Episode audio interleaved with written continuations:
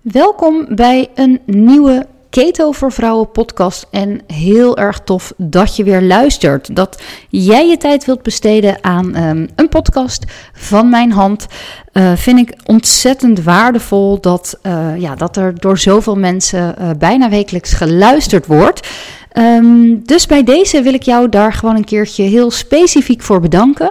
Um, ik krijg van, van velen van jullie terug dat mijn podcast een waardevolle bijdrage levert aan hun inzichten en motivatie omtrent van het volgen van een ketogene leefstijl. Um, dat waardeer ik echt enorm. Dat vind ik super leuk. Want uh, soms is het uh, maken van een podcast heel eenzijdig. Je bent natuurlijk gewoon maar tegen je um, microfoon aan het praten. En daarom uh, vind ik het ook ontzettend leuk en waardeer ik het ook heel erg als ik af en toe wat hoor van jullie. Um, en dat geeft mij natuurlijk ook de motivatie om de podcast te blijven maken, omdat ik weet dat er dan dus echt uh, mensen op zitten te wachten. Dus um, ja, uit de grond van mijn hart, dankjewel dat jullie. Um, ja, met grote getalen luisteren naar de podcast. En superleuk als je ja, dat ook aan mij laat weten. Uh, dat wordt uh, super gewaardeerd. Vandaag in deze podcast wil ik het met jullie hebben over koolhydraat- en suikerverslaving. Ik heb hier al eerder een podcast over opgenomen naar aanleiding van een boek wat ik toen heb gelezen. Die podcast die kun je terugvinden in elke podcast-app. Um, ik denk iets van tien afleveringen geleden, misschien iets minder. Um, toen had ik het vooral over uh, food addiction of foodverslaving, eetverslaving. En nu, um, ja, uh, dat, dat was echt een onderwerp wat, um, wat voor mij een hele grote eye-opener was. Ik was daar heel erg van onder de indruk om dus naar cravings te kijken als zijnde een echte uh, addiction, een echte verslaving. Daar, daar zijn dus uh, steeds meer mensen uit het werkveld, wetenschappers, artsen, verpleegkundigen, uh, psychologen zich op aan het richten dat um, suikerverslaving slash koolhydraatverslaving eigenlijk hetzelfde zou mogen worden behandeld als een andere soort verslaving. Dus hetzelfde qua behandeling als alcohol, drugs, gok, seks, noem maar op. Um, om het dus echt als een verslaving te benaderen, om zo daarvan te herstellen. Nou, omdat ik dit onderwerp uh, super interessant vind en ik denk dat dus echt veel meer mensen hiermee te, te maken hebben, mee te kampen hebben, dan dat wij ons realiseren, um, ja, ben ik daar dus nog veel meer onderzoek naar gaan doen. Ik ben daar heel veel over gaan lezen. Ik heb daar onderzoeken over gelezen. Ik ben daar mensen in gaan volgen die, uh, ja, die daar dus al, uh, ook alweer jaren mee werken. Het is eigenlijk nog maar een hele kleine groep binnen de verslavingszorg die hiermee aan het werk is. Het is ook um, nog niet een officiële erkende verslaving. Dus het is iets wat niet in de DSM-4, volgens mij hebben we zelfs de DSM-5 tegenwoordig. Um, het wordt niet erkend als verslaving. Um, het, het wordt zelfs ontkend. Er zijn dus ook uh, heel veel discussies over gaande die um, ja, tuss tussen wetenschappers ook, uh, tussen wie dan ook. Hè. Het maakt mij niet zoveel uit of je nou een wetenschapper bent of niet. Je kan daar uh, zelf een, een ja, onderzoek naar doen.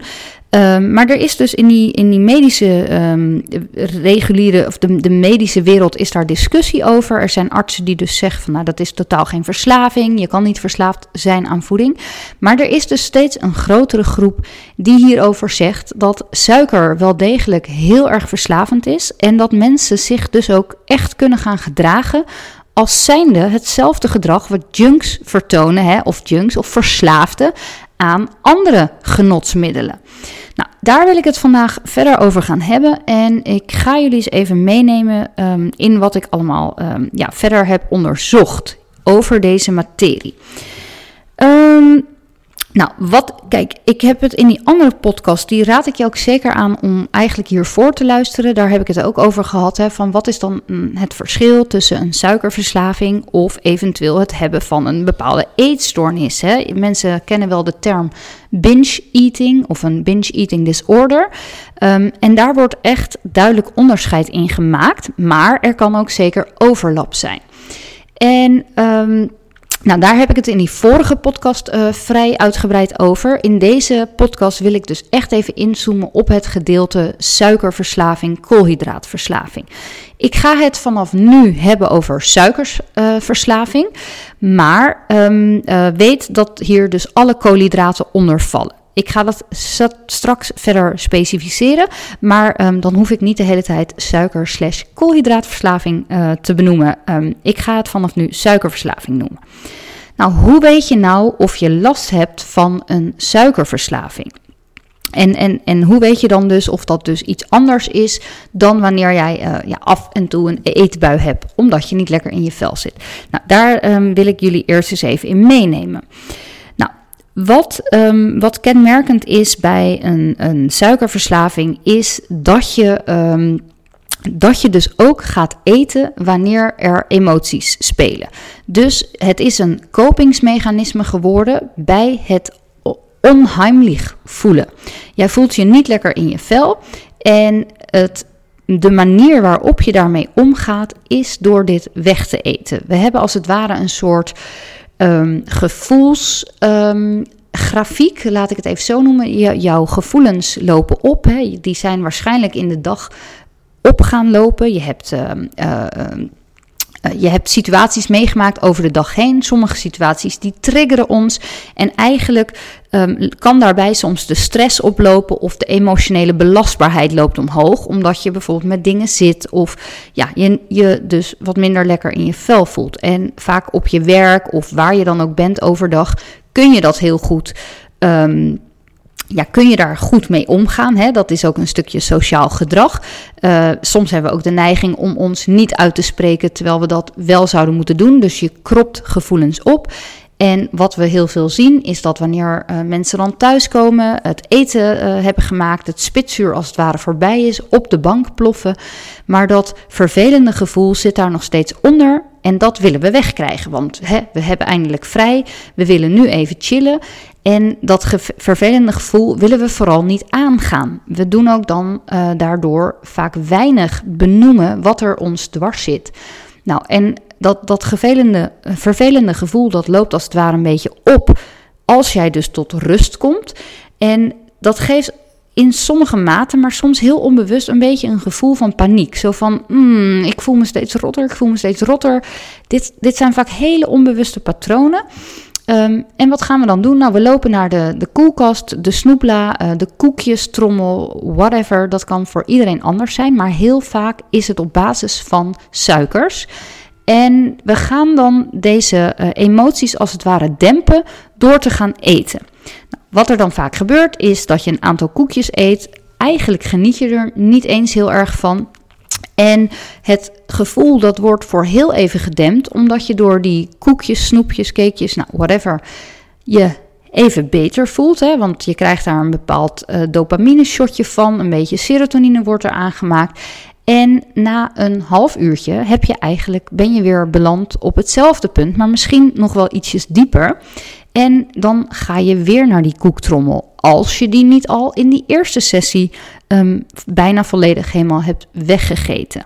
Nou, dus emoties, um, moe, moe voelen of uh, jezelf vervelen en dan dat gevoel willen wegnemen door te gaan eten, dat kan dus een, um, een teken zijn dat jij eigenlijk een verslaving hebt aan suikers. Nou, iets wat ook veel voorkomt is dat, dat je uh, speciaal naar de winkel gaat om jouw, ja, jouw, jouw verslavingsvoeding te kopen.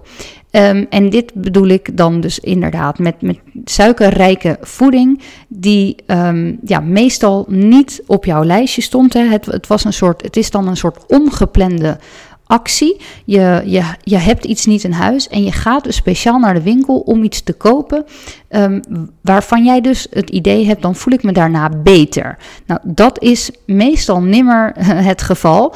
Um, je kan je tijdens het eten uh, soms even lekkerder voelen, hè, met wat ik net al zei, die dopamine uh, die omhoog schiet, serotonine die wordt aangemaakt. Maar um, ja, meestal uh, voel je je daarna vaak weer slechter. Nou, je gaat dus um, de deur uit terwijl je dit niet gepland was um, voor bepaalde voeding. Dat kan dus echt een teken zijn dat die verslaving daaronder een rol speelt. Nou, wat ik net ook al zei, dat is eigenlijk een beetje dubbel. Um, je, je hebt de neiging om ongepland te eten. Nou, dat klinkt vrij onschuldig, maar soms kan het je echt overkomen of uh, het overvalt je. Uh, je was de hele dag goed bezig. Je had, jezelf, um, um, je had met jezelf de belofte gemaakt dat je vandaag een gezonde dag ging hebben. Maar um, s'avonds plof je op de bank en met alles uh, wat ik hiervoor vertelde, ga je ineens toch grote hoeveelheden eten van iets wat, wat helemaal niet de bedoeling was. Want je zou een gezonde dag hebben. Dus ook dat kan wijzen op een verslaving. Nou, wat ook um, zeker uh, hierbij kan horen, is dat je, um, dat je dus met jezelf heel vaak afspraken maakt over dat je die bepaalde voedingsmiddelen mi gaat minderen of niet gaat eten. Dus je voelt eigenlijk dat je je er niet lekker bij voelt en je spreekt elke dag of wekelijks af dat je gaat stoppen of minderen met een aantal um, voedingsmiddelen, omdat je eigenlijk uh, het gedrag wat je daarin vertoont zelf ook niet zo prettig vindt. Dus je spreekt uh, dagelijks met jezelf af: ik ga vanavond geen tien koekjes eten of ik ga niet die chocoladereep eten. Je maakt dus continu afspraken met jezelf, maar blijkt in de praktijk heel moeilijk om deze te behouden. Um, nou, dit kan dus absoluut wijzen op uh, verslavingsgedrag. Hè? Je wil iets mentaal, je wil dat met je wil, wilskracht doen, maar het lukt je maar niet om je aan deze afspraken te houden. Nou, ook iets wat eigenlijk heel erg uh, duidt op een verslaving of verslavingsgedrag is, en misschien herken je dat, misschien ook helemaal niet, maar um, ja, wees daar eens eerlijk in naar jezelf. Eet jij wel eens stiekem?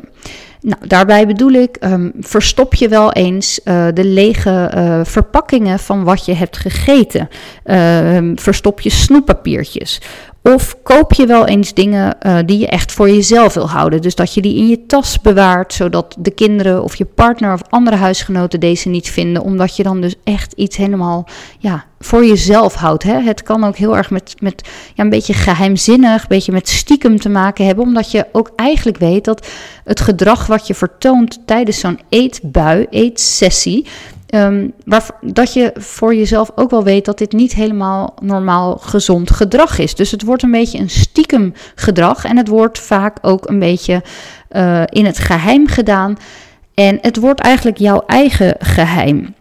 Dus herken je dat bij jezelf, dan kan je zeker even um, ja, dat als een teken zien dat er misschien wat meer achter zit dan onschuldig um, eten.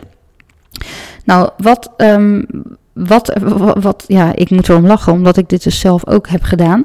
Koop je eten opnieuw, omdat je dan, uh, omdat je iets al op hebt gegeten en je het, dan dus als het ware stiekem aanvult, zodat niemand ziet dat jij het eigenlijk al opgegeten had. Nou, voor mij is dit een voorbeeld wat ik echt uh, zelf uh, meer dan eens gedaan heb. Ik had bijvoorbeeld um, chocoladeletters gekocht voor de kinderen. Die at ik dan zelf op en dan zorgde ik weer dat ik ze opnieuw kocht, zodat het net leek alsof er nooit wat gebeurd was. Um, en dan vul je dat dus, dus aan zonder te zeggen. En eh, dan doe ik maar net alsof ik het niet uh, al één of twee keer gekocht heb. Ik herken mijzelf dus ook echt steeds meer en meer in een, in een suikerverslaafd mens. En um, nou, daar, daar zal ik straks ook nog wat meer over vertellen. Um, een ander punt is, geef je soms wel eens anderen de schuld dat iets op is. Nou, ook dit vind ik super confronterend, want ik heb dit ook gewoon gedaan. Hè? Als er dan, um, uh, als mijn, mijn vriend bijvoorbeeld um, uh, dingen in huis had gehaald die hij lekker vindt. Hij is dus geen snoepkont. Hij, hij kan heel gematigd iets eten. Dus één stukje van een koekje, één of twee stukjes chocola. En bij mij moet die reep altijd op. Ik, kan, ik wil ook liever als ik iets in huis heb wat mij triggert, dan eet ik het liever allemaal in één avond op met het idee dat het er dan niet meer is, dan dat ik denk, oh, dan heb ik elke dag één stukje van wat ik lekker vind. Ik kan dat niet. Ik ben niet zo goed in moderation van mijn triggerfoods. En daar ga ik je straks ook meer over vertellen. Maar um, anderen de schuld geven dat niet op is. Dus um, nou, ik, ga, ik ga ook maar met de billen bloot. Um, dat was dus een tijd geleden. Mijn vriend had uh, gevulde speculaas gekocht. En die wilde daar na een paar dagen dat dit al in huis was, of misschien zelfs twee, drie weken, um, een stukje van nemen. Hij zei: Hè, we hadden toch nog gevulde speculaas. En dan kan ik dus gewoon ook zeggen: Ja, maar dat hebben de kinderen opgegeten. En dat is dan gewoon niet waar, want ik heb dat dan opgegeten. Um, nou, dat soort dingen. Dus geef je wel eens anderen de schuld als eten bijvoorbeeld uh, ineens weg is. Nou, uh, iets anders waar je ook over na kan denken is: um, verheug je je wel eens op een avondje dat je alleen bent? En verheug je je dan op het moment dat jij dus lekker kan gaan eten? En dit, dit zijn dan dus altijd die triggerfoods dat je denkt van, oh lekker, ik ben vanavond alleen thuis. De kinderen, als de kinderen op bed liggen en mijn partner is de deur uit, oeh, dan pak ik die, uh, nou, hè, chocolaatjes, koekjes, whatever dit voor jou is, uit je tas of waar je ze het misschien verstopt had. En dan kan je je dus al de hele dag verheugen op dat moment. Nou, ook dat is natuurlijk iets waaraan je kan gaan bedenken: hey, is dit eigenlijk wel gezond gedrag? Gezond gedrag, ja. um, en een laatste dingetje. Um, nou, nee, ik heb er nog twee. Ben je wel eens aangesproken op je eetgedrag? En ook dit is mega confronterend. En wat er dus ook vaak gebeurt, hè, wanneer een partner um, daar een opmerking over maakt: van hé, hey, Hè, heb jij nou alweer die chocoladereep op? Ik, ik had er toch nog twee en uh, nou ligt er nog maar een halve. Want dat is vaak wat we doen, hè? Een klein beetje iets overlaten, zodat het niet helemaal opvalt dat alles weg is. Um, en dan boos worden. Hoezo mag ik iets niet eten of zo? Of uh, dit kopen we toch voor ons allebei? Of, nou ja, dit is echt gedrag wat ik ook bij mezelf herken. Ik ben hier allemaal niet trots op, hè? En ik vind het allemaal balen om dit te erkennen. Maar dat is natuurlijk een eerste stap in ook het kunnen verbeteren. Um, maar dus boos worden als anderen je daarop aanspreken of een diepe schaamte voelen, omdat je inderdaad toch wel voelt van hé, hey, ja, misschien is hoe ik met bepaalde voeding omga niet helemaal uh, gezond.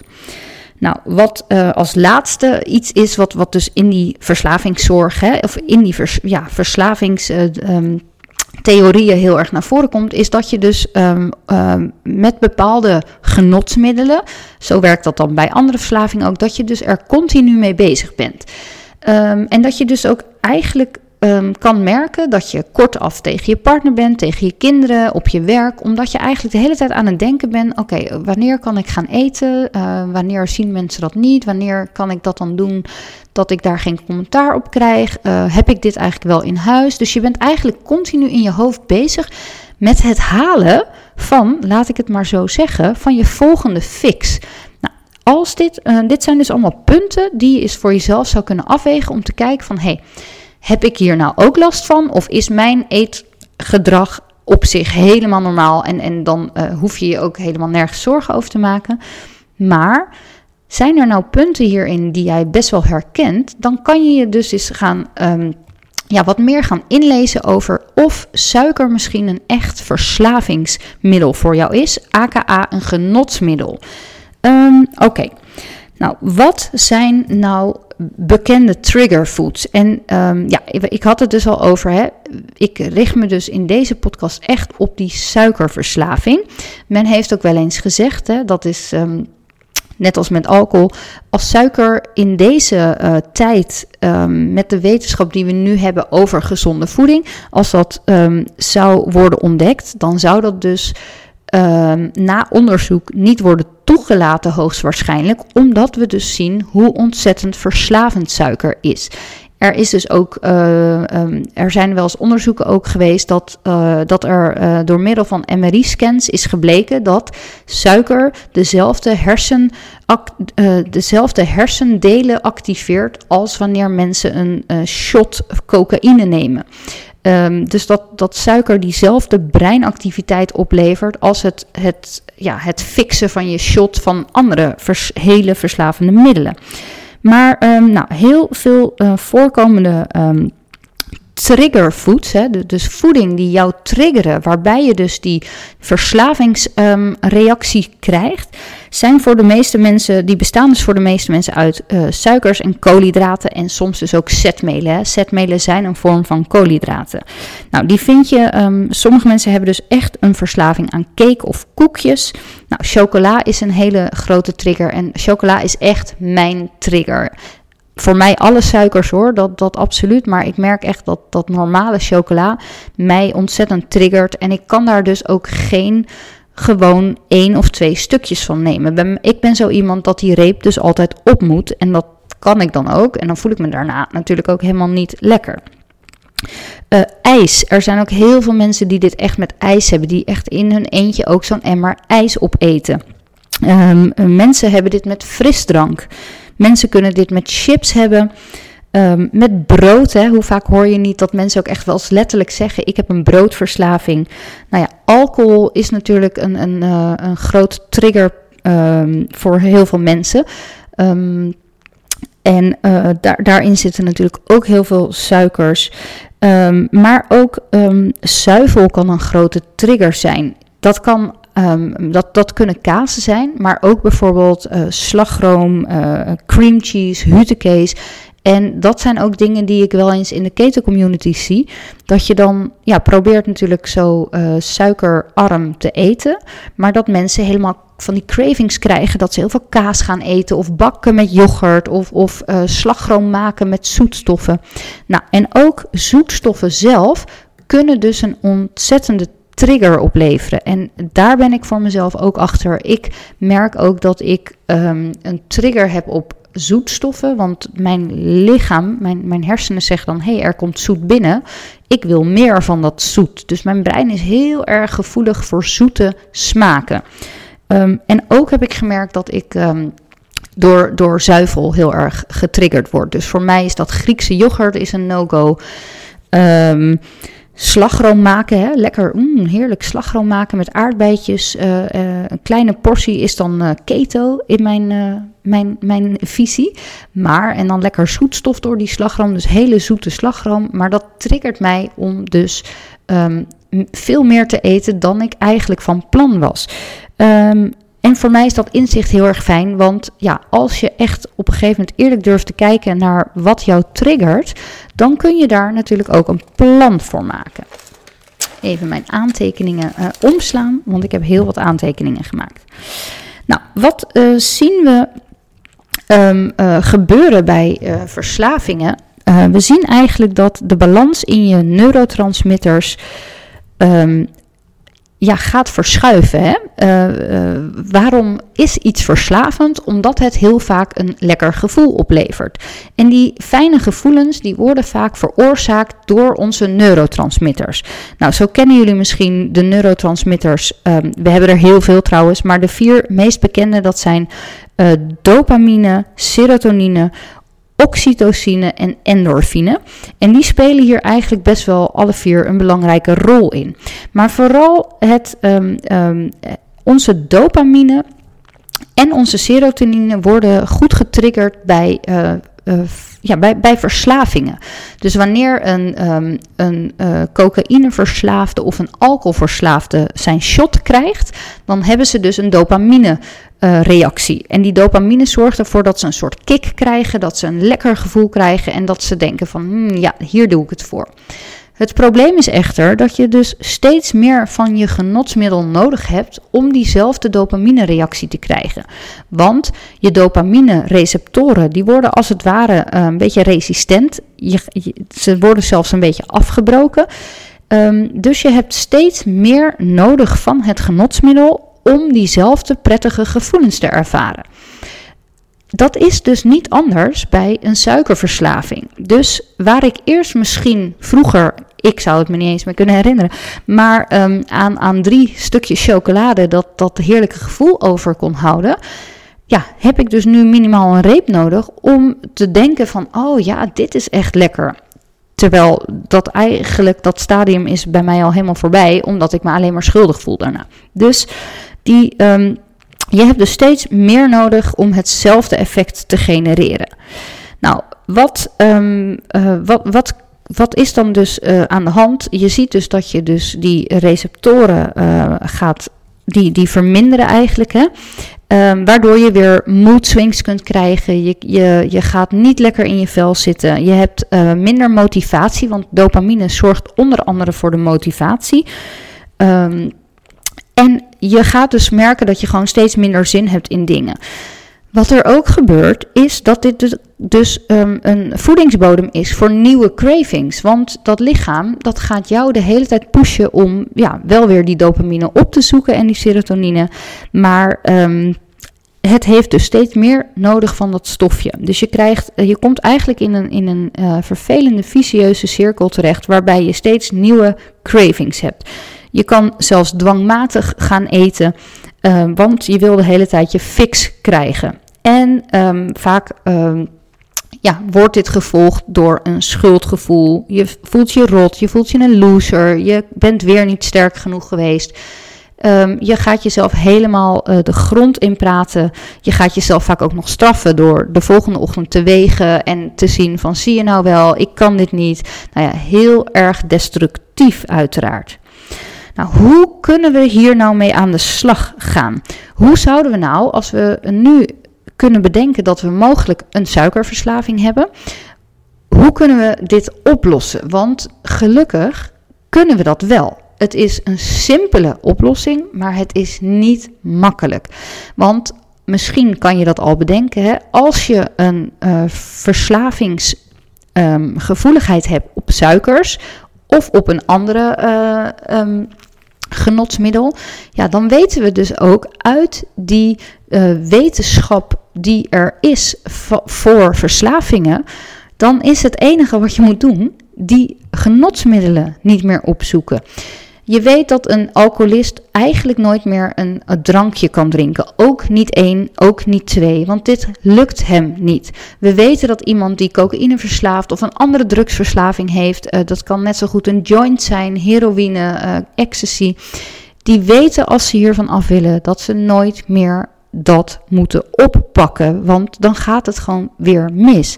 Maar wij vinden het dan dus heel raar om te kunnen zeggen, om te, om, dat we zouden zeggen dat we dus nooit meer suikers gaan eten. Maar eigenlijk is het dan dus heel erg logisch dat je dat dus wel doet. Dus dat je zegt tegen jezelf: ik ga geen suikers en koolhydraten meer eten. Nou, en daarin komt natuurlijk onze ketogene leefstijl uh, om de hoek kijken. En um, zijn er dus ook mensen die uh, heel erg baat hebben bij een carnivore leefstijl voor het eerste gedeelte van hun recovery. Laten we het maar zo gewoon noemen. Dus um, daar ga ik zo nog even verder op in. Nou, wat doe je als eerste? Je gaat eigenlijk jouw triggerfoods bepalen. Dus je gaat Um, um, nou, misschien, hè, uh, misschien ga ik veel te snel voor jou hoor, maar dit, dit, dit heeft natuurlijk uh, tijd nodig. Hè. Het is best wel heftig om te erkennen dat je een verslaving hebt. Um, maar dat is stap 1. Dus erken dat het gedrag wat jij hebt rondom bepaalde voedingsmiddelen niet, niet het gewenste gedrag is wat jij graag zou willen of, of gedrag waar je trots op bent.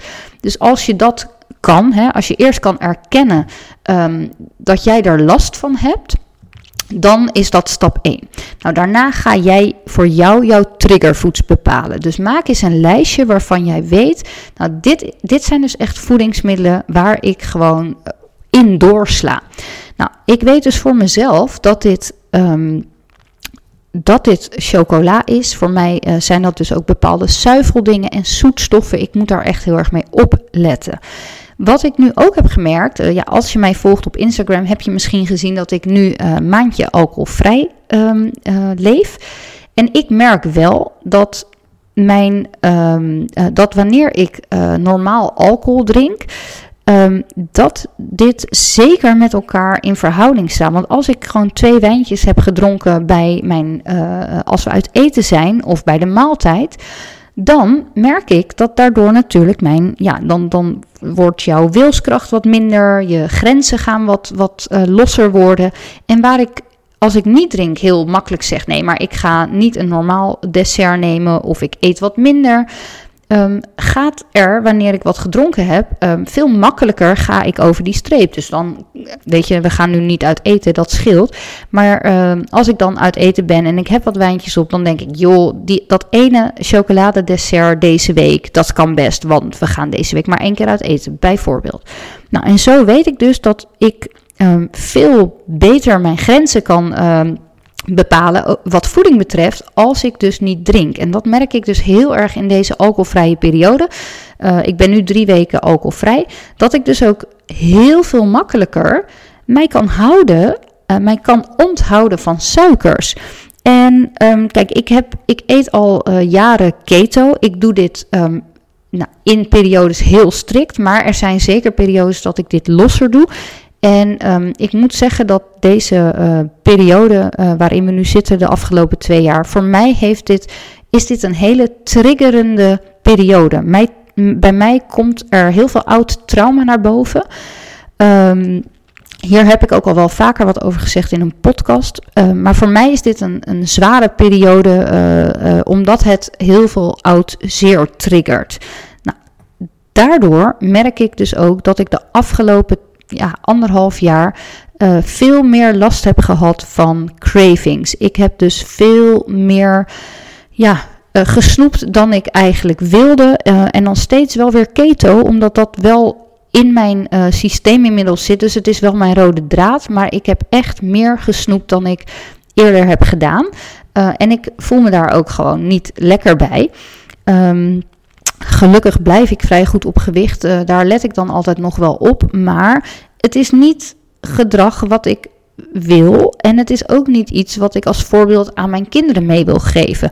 Want ik hoor mijn kinderen al regelmatig zeggen: Oh, moet je ongesteld worden? En dan denk ik: hmm, ja, pas over tien dagen. Ja, dat, zo wil ik gewoon niet een voorbeeld geven. Um, dus ik heb zelf dus ook mijn triggerfoods erkend. Daar, eh, dat schrijf ik dan ook op. En ik ben daar dus nu al, nou ja, al, ik ben daar dus nu de afgelopen drie weken heel erg mee bezig gegaan. En ik kan me, ja, ik kan me alleen, ik kan alleen maar delen met jullie hoe ontzettend goed ik me voel. Um, nou, wat, um, nou, dus je erkent dat dat je niet helemaal lekker uh, je voelt bij het eetgedrag wat er is. Uh, met bepaalde triggerfoods. Je erkent je triggerfoods, je schrijft een lijstje op en wees daarin gewoon zo volledig mogelijk. Je kan beter iets te veel op je lijstje hebben staan dan, um, uh, dan te weinig. Maar vul je lijstje ook aan als je merkt dat ineens iets anders ook een trigger kan geven. Nou, um, en als we dan ook kijken naar um, naar bepaalde uh, voeding, hè, tussen haakjes, dan, dan, moeten we dus ook, dan kunnen we dus ook voor onszelf um, bedenken dat dit eigenlijk niet echt voeding is. Het is dus vaak zwaar bewerkt. Het zijn dus vaak um, ja, voedingsmiddelen die, die vulling zijn en geen voeding. En, en be, beschouw ze dan dus ook als, als ware als jouw ja, junkfood. en dan bedoel ik dus junk in de zin van uh, verslaving, als in uh, verslaafd, ja, hoe zeg je dat? Verslavingsvoeding. Nou ja, en dan wil ik het eigenlijk niet eens voeding noemen, maar, maar verslavingsmiddelen, genotsmiddelen. Nou, dus um, je wil echt zo min mogelijk bewerkt eten. Nou vind ik dat keto uh, dat al heel erg in zich draagt. Hè. We, we, eten daarbij zo min mogelijk, um, zo min mogelijk bewerkt. Um, dus ga vooral weer heel erg terug naar de basis. Dus eet uh, voeding zonder ingrediëntenlijsten. Um, nou, vermijd suiker, uh, zoetstoffen, bloem, meel, ontbijtgranen, junkfood. Uh, voor sommigen dus ook echt alcohol, zuivel, noten en zaden, uh, zoet fruit en koffie kan soms ook een trigger geven. Dus kijk daar voor jezelf naar. Um, ja, voor mij ook noten kunnen mij ook heel erg triggeren. Want ik ben dol op macadamia noten. Het liefst zo zout mogelijk. Maar ik kan dus weer niet. Ik kan dus echt moeilijk 10 of 5 macadamia noten eten. Ik heb dan van die zakjes, van die kleine zakjes. Ik vind dat dan klein. Maar ik eet dat dan makkelijk in één keer op. Waar ik dus ook overigens bijna altijd buikpijn van krijg. Want er zit iets in die noot wat mijn darmen heel erg triggert. Um, en als je zo'n zakje eet, dan, dan eet je gewoon uh, de calorieën weg voor een volledige maaltijd. Dus ik kan niet goed daar maat in houden. Dus kijk ook vooral naar dingen die soms dus hartstikke keto zijn. kunnen ook een trigger voor jou zijn. Nou, wat dan dus wel? Als je ook keto of carnivore doet, dan is dat uh, heel erg um, ideaal, omdat je daarmee dus heel veel suikers al uh, elimineert. Waarom kan carnivore nou voor sommige mensen in het helingsproces heel erg fijn zijn? Omdat je dan dus bijna geen koolhydraten meer eet. En soms kan dat in die overgangsperiode heel erg nodig zijn om dus zo goed als koolhydraatarm te eten. Om echt even alle triggers weg te halen. Het mooie aan carnivore is ook dat er um, heel veel mensen hebben bepaalde um, um, die, die eten ook met keto nog bepaalde voedingsmiddelen die die darmen kunnen triggeren. Die um, ervoor kunnen zorgen dat je een lekke darm uh, in stand houdt. We zien dus dat een carnivore leefstijl uh, zo um, uh, bijna alle triggerende voeding elimineert, waardoor er mensen zijn die heel erg opknappen wanneer ze uh, eten. Omdat dus het het ultieme eliminatiedieet is. Um, ik merk zelf dus ook dat ik dus deze drie weken, dat ik me heel erg bewust van ben dat ik ja, met hele grote zekerheid mezelf wel een suikerjunk durf te noemen. Um, ben ik dus ook weer bijna volledig even carnivore aan het eten, omdat me dat heel veel eetrust geeft. Ik hoef even niet te bedenken wat ik qua keto dingen allemaal kan eten. Ik ben gewoon even heel strikt bezig met een dierlijk voedingspatroon. En ja, ik voel me echt fantastisch de afgelopen weken. Beter dan dat ik me in de afgelopen maanden heb gevoeld, omdat dit voor mij zo'n triggerende periode is.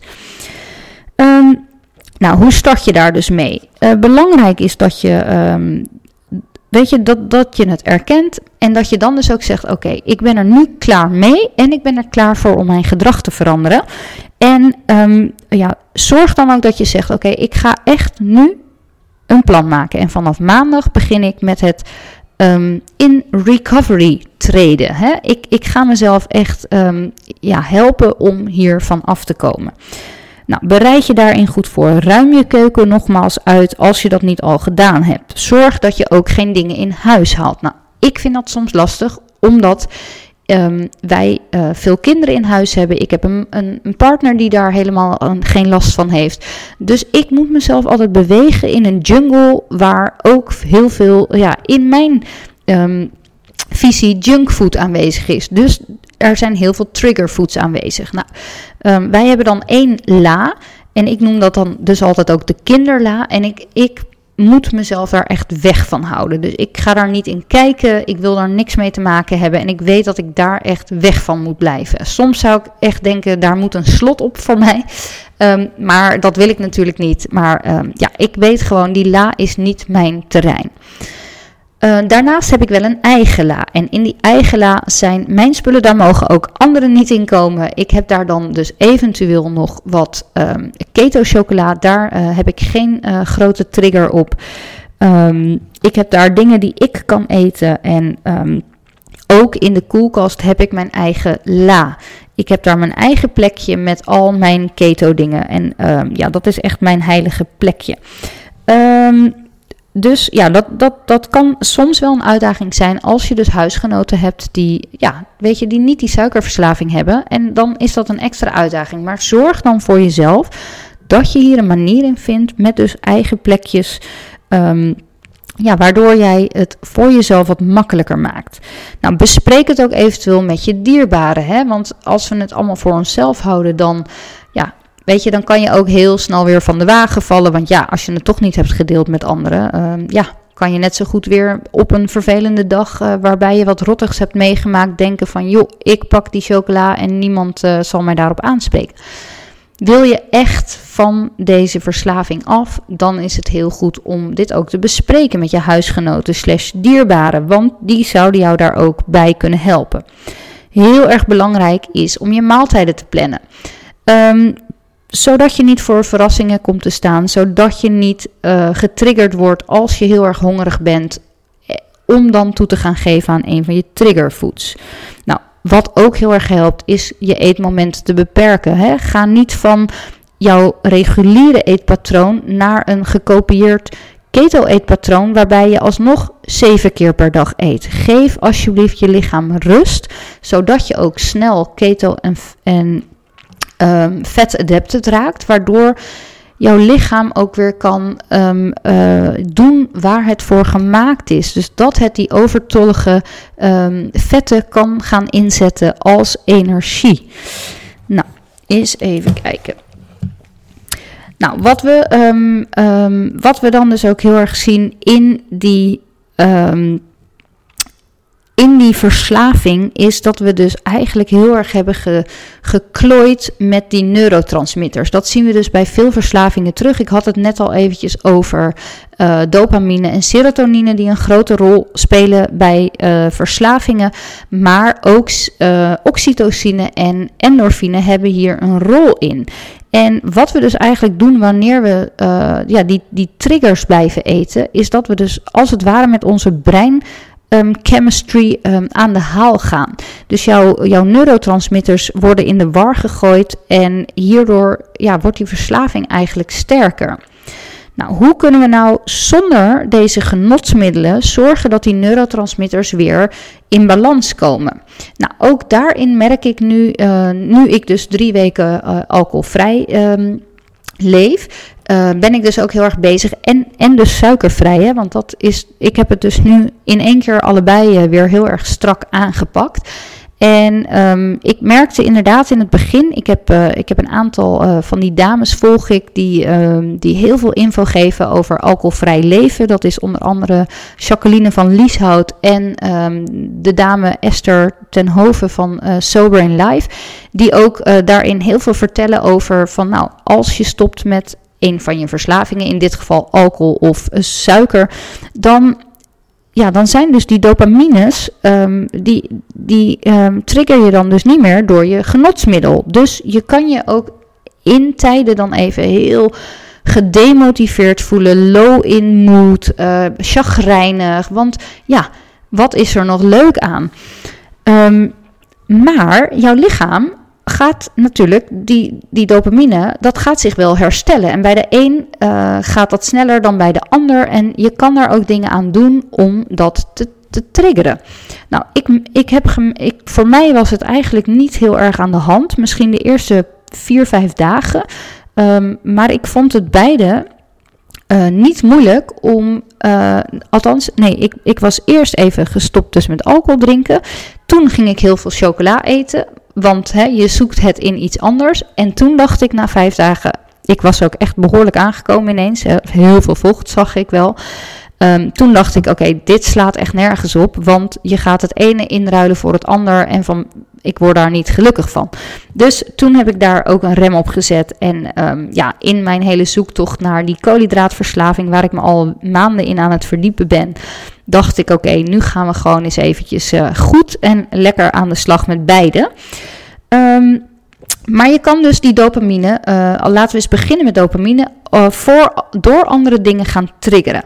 Nou, dopamine staat dus uh, voor onze motivatie en beloning. Hè. We voelen dus, ja, dat herken je misschien zelf ook wel. Dat maken we dus ook al aan met kijken op Instagram. Hoeveel likes heb je? kijken op Facebook. Waar, waar halen we overal die beloningen vandaan? Um, ik heb ook al, maar dat heb ik echt al twee jaar geleden gedaan. Ik heb bijvoorbeeld van al mijn social media netwerken en ook WhatsApp en dingen, heb ik alle, um, um, uh, hoe zeg, ik wou zeggen beloningen uitgezet, maar heb ik al die uh, pop-ups uitgezet. Hoe zeg je dat nou? Dat, uh, dat, dat je ziet wanneer er een bericht binnenkomt. Ik heb dat allemaal uitgezet. Dus ik heb nergens zie ik meer of er uh, ergens een like is of een berichtje. Of ik, ik zie niet dat er WhatsApp berichten binnenkomen. En ik moet daar dus specifiek naar, naartoe gaan om te kijken of er een nieuw bericht is of iets dergelijks. En dat heeft mij al zoveel rust gegeven. En daarmee heb ik wel ervoor gezorgd dat die dopamine triggers al nou, hopelijk wat hersteld zijn, omdat ik niet continu die triggers binnenkrijg. Um, nou, wat heel erg belangrijk is, uh, wat, wat handig is om te weten, is dat dopamine wordt gemaakt onder andere van tyrosine en uh, fenylalanine. Uh, lastig, lastig woord. En die bevinden zich vooral in uh, proteïnerijke producten. Dus alles wat je met keto uh, graag mag eten, zoals rundvlees, varkensvlees, vis, kip, zit ook in, in zuivelproducten, in kaas, in zaden. Nou, daarin, um, als je die goed vertegenwoordigt in jouw voeding, dan krijg je dat dus al binnen. Um, en die kunnen er dan dus voor zorgen dat je dopamine weer um, ja, op een natuurlijke wijze wordt aangemaakt.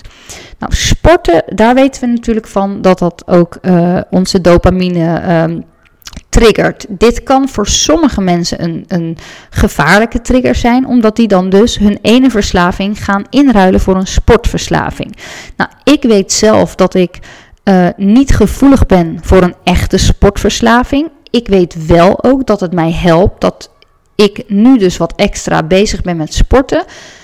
Om ja, het ene natuurlijk wel even in te ruilen voor het ander. Um, maar ik heb daar minder last van. Ik, ik, ik ben niet zo iemand die, die zich helemaal over de kop sport. En dat weet ik um, ja, vanuit de ervaring die ik heb inmiddels in mijn leven. Dus ik vind sporten voor mezelf heel erg belangrijk. Ik weet nog, uh, jaren geleden, tien jaar geleden, heb ik een uh, flinke burn-out gehad. En het, het, ja, wat, ik, wat ik echt dacht is, ik moet nu gaan sporten om te zorgen dat ik niet in een diepe depressie raak. En ik, ik geloof voor mezelf echt dat um, mijn, sport, uh, mijn sport daar toen heel erg aan heeft bijgedragen dat ik helemaal burn-out was. Maar nee, dat bedoel ik dus niet. Maar dat ik dus naast die burn-out niet in een hele zware depressie ben beland. Um, want ik ben dus pas uh, ja, toen goed gaan sporten toen ik uh, in die burn-out zat. Dus voor mij is dat uh, een heel goed medicijn. Nou, heel belangrijk is dat je natuurlijk zorgt dat je stress laag is. En we weten inmiddels van yoga, meditatie, um, um, jezelf laten masseren, dat ook daarbij je dopamine omhoog gaat super belangrijk is dat je genoeg slaap krijgt. En um, ja, wat, wat ik laatst, volgens mij zei ik dat in die vorige podcast. Luister naar muziek. Muziek werkt natuurlijk ontzettend helend. En ze hebben dus onderzoeken gedaan uh, via MRI-scans dat ook dus weer muziek dezelfde uh, dopamine-respons geeft als um, als mensen hun genotmiddel. Dus hoe lekker kan het zijn als jij gewoon, wanneer je een craving voelt opkomen, even lekker jouw lievelingsmuziek op je oren zet en daar dus jouw, ja, je, je, je lekkere gevoel uit kunt halen, om, ja, dat me dat dus niet schadelijk lijkt. En wat ook jouw dopamine kan bevorderen, is dat je bijvoorbeeld oude hobby's op gaat pikken. Ga wandelen, ga hardlopen, ga um, puzzelen, ga uh, met je handen aan de slag. Ik ben echt zo'n muts. Ik hou dus heel erg van uh, haken. Ik vind breien ook eigenlijk heel leuk, maar ik doe het allemaal veel te weinig. Ik hou van tekenen en dan vooral van lekker meditatief inkleuren. En ik heb dus ook periodes dat ik dat dan vaker doe en minder vaak. En Um, als je dan dus eigenlijk ook een beetje een vervanging wil voor het uh, rot op de bank zitten te wachten tot je toegeeft aan je craving, ga dan dus lekker uh, een oude hobby oppikken. Nou, als we het hebben over oxytocine. Um, misschien ken je dat wel van, uh, ja, ik, wij, we kennen het eigenlijk vooral wanneer je zelf moeder bent of misschien vader, dat baby's die uh, oxytocine wordt vooral aangemaakt tijdens de borstvoeding omdat een moeder en een baby zich dan extra verbinden. Dat, dat, dat oxytocine, uh, die, deze neurotransmitter, zorgt voor de, voor de verbinding tussen mensen. Dit is ook bij je partner. Hè? Als je samen uh, seks hebt, dan, um, dan komt er oxytocine vrij, waardoor je ook bindt met elkaar, waardoor die verbondenheid groter wordt. Nou, wat ik um, ooit ergens gelezen heb en wat ik dus uh, zelf vanaf dat mijn kinderen klein zijn doen. Wanneer je een persoon tussen de schouders uh, uh, op hun rug aait, krijgen mensen uh, daar extra oxytocine, komt daarbij vrij. En het mooie is, weet je, wij doen al zoveel dingen intuïtief. Want bedenk je eens in dat als jou, een van jouw kinderen uh, huilt, wat doen wij dan? Wij drukken ons kind tegen ons aan en wij wrijven intuïtief over de rug. En vaak is dat tussen de schouderbladen. Hoe mooi is dat, hè? Dat wij dat vanuit onze intuïtie doen. En daarbij wordt er dan dus ook oxytocine aangemaakt bij het kind en bij de moeder. Um, dus laat dat ook vooral lekker bij jezelf doen. Doe het bij je partner, want dat, dat uh, stimuleert dus sowieso die oxytocine. Dat doet knuffelen dus sowieso. Knuffelen met je partner, met je kinderen, met je geliefden, met je vriendinnen. Huidcontact, dat is echt belangrijk. Um, maar ook weer muziek maken uh, of muziek luisteren, yoga en meditatie zorgen ervoor dat uh, oxytocine vrijkomt. En um, we weten van oxytocine dat het uh, ook kan helpen om de eetlust te onderdrukken. Dus ja, het werkt eigenlijk twee kanten op. Het, het werkt dan om het onderdrukken van die voeding die je triggert in te willen nemen. Maar het zorgt er dus ook voor dat je je beter in je vel voelt. Nou, dan hebben we nog serotonine. Serotonine wordt uh, voornamelijk aangemaakt in de darm. En wanneer, deze, um, ja, wanneer je darmdysbiose ehm, um, in de darm plaatsvindt, hè, wanneer je last hebt van een lekke darm, wanneer je darm dus continu getriggerd wordt door uh, genotsmiddelen, dan uh, verschuift die hele uh, balans in de darm. En dan zien we dus ook dat mensen um, heel weinig bijvoorbeeld serotonine nog maar aanmaken. Nou, serotonine speelt ook een hele belangrijke rol bij depressie. We zien dus ook vaak dat er overlap is tussen um, disbalans in de darm en depressieve gevoelens. Nou, belangrijk is dus dat je voeding eet die uh, de aanmaak van serotonine stimuleert. Je wil ook het liefst dat, dus dat die darm rustig is. Hè? Dus dat er zo min mogelijk sprake is van een lekke darmsyndroom. Zodat die darmflora um, ja, floreert. En dat dus um, de voedingsbodem goed is om de juiste uh, balans in uh, onder andere serotonine te kunnen maken. Uh, serotonine bestaat uit het aminozuur uh, tryptofaan. Nou, en die bevindt zich in, uh, in, ja, in een aantal voedingsmiddelen.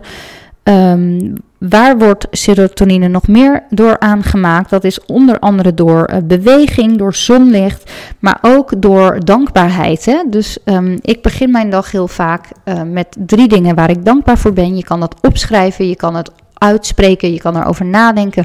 En ik wil mijn dag altijd even voor ik ga slapen afsluiten met drie dingen waar ik dankbaar voor ben. En ook dat stimuleert dus de serotonine aanmaak. Nou, dan hebben we het als laatste nog even over de endorfines. Uh, endorfines zijn eigenlijk onze endogene um, uh, morfine. Dus het, het, het, geeft een beetje het effect van morfine. Um, zijn onze um, uh, lichaams-eigen endorfines, die kunnen daarvoor uh, zorgen. Hè, dat, die kunnen dus ook pijn onderdrukken. Um, nou, die maken we aan nadat we uh, lekker in beweging zijn. Dus we mensen die um, bijvoorbeeld hardlopen, die kennen wel die runners high. En die ontstaat dus eigenlijk omdat er dan bepaalde endorfines vrijkomen. Dus veel mensen ervaren dat nadat ze 20, 30 minuten aan het bewegen zijn. Dat kan hardlopen zijn, maar dat kan ook trainen zijn. Dat kan schaatsen zijn, zwemmen zijn. Um, ja, sporten en bewegen helpt daar dus bij. Um, meditatie, uh, lachen, uh, dat soort dingen zijn uh, endorfine. Um, aanmakers, maar ook weer het ma maken of luisteren van muziek en het ja, het gewoon uh, aardig zijn naar anderen. Dus doe eens iets wat een ander niet verwacht. Geef complimentjes. Um, ja, zorg uh, voor een lach op het gezicht van een ander. Want ja, ik weet ook uit ervaring dat. Uh, we doen dat eigenlijk vaak veel te weinig. Maar um, als jij een ander een lach op zijn gezicht geeft, heeft dat vaak zelf ook een heel groot effect op jou. Hè? Het is een soort ripple effect van, ja, van, van die uh, dingen die we kunnen doen die, um, die voor jou een kleine moeite zijn, maar die dan een, een dubbel, een wederzijds effect hebben op een ander, maar dan daardoor ook weer op jezelf. Nou, dit um, um, is denk ik wat ik uh, allemaal wilde vertellen over suikerverslaving. Het is, een, ja, het is dus best een, een controversieel onderwerp, omdat het dus zeker niet overal erkend wordt. Um, ja, hoe meer ik erover ga lezen, hoe meer ik mezelf er absoluut in herken. En ik weet dus ook dat het voor mij echt beter is om die suikers te laten staan, helemaal volledig. Ik vind het ook lastig. Ehm, ik zou willen dat ik namelijk gewoon ehm, eh, ook af en toe uh, dat zou kunnen zonder dat ik daar last van heb. Maar ik weet dat uh, zeker in een periode waar, waarbij ik veel traumatriggers heb, ja, dat dat voor mij echt eigenlijk beter is om me daarvan weg te houden. Want ik merk ook dat ik deze drie weken me veel stabieler weer voel. En dus ook beter koop met ja, vervelende berichten. Of, of um, ik sta gewoon steviger in mijn schoenen. En, en ja, dat vind ik dan dus eigenlijk helemaal geen keuze. Want dat wil je gewoon. Je wil je gewoon lekker voelen, stabiel voelen, krachtig voelen, zelfverzekerd. Um, goed in je vel. En dat is iets wat ik um, ja, veel belangrijker vind dan af en toe misschien een stukje chocola kunnen eten.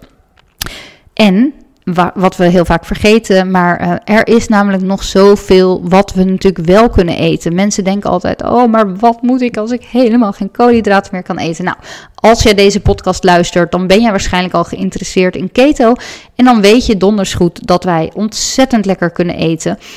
Um, dus ja, ik wil daar ook altijd gewoon een feestje van maken van mijn voeding. En um, ja, vieren wat ik allemaal wel kan en niet uh, verdrietig zijn om wat ik niet kan. Nou, ik hoop dat, um, ja, dat je misschien uh, wat nieuwe inzichten hebt gekregen door deze podcast. Ik hoop voor jou dat jij geen suikerverslaving hebt, geen echte koolhydraatverslaving. Want ja, je zou het dus echt moeten aanpakken als een echte verslaving en iets dus volledig elimineren. Um, mocht je vragen hebben naar aanleiding van deze podcast, uh, je kan me altijd een DM sturen via Instagram. En um, altijd uh, leuk om hier uh, nog eens over in gesprek te gaan met elkaar. En dan wens ik je voor vandaag een hele mooie dag. En dan tot de volgende podcast.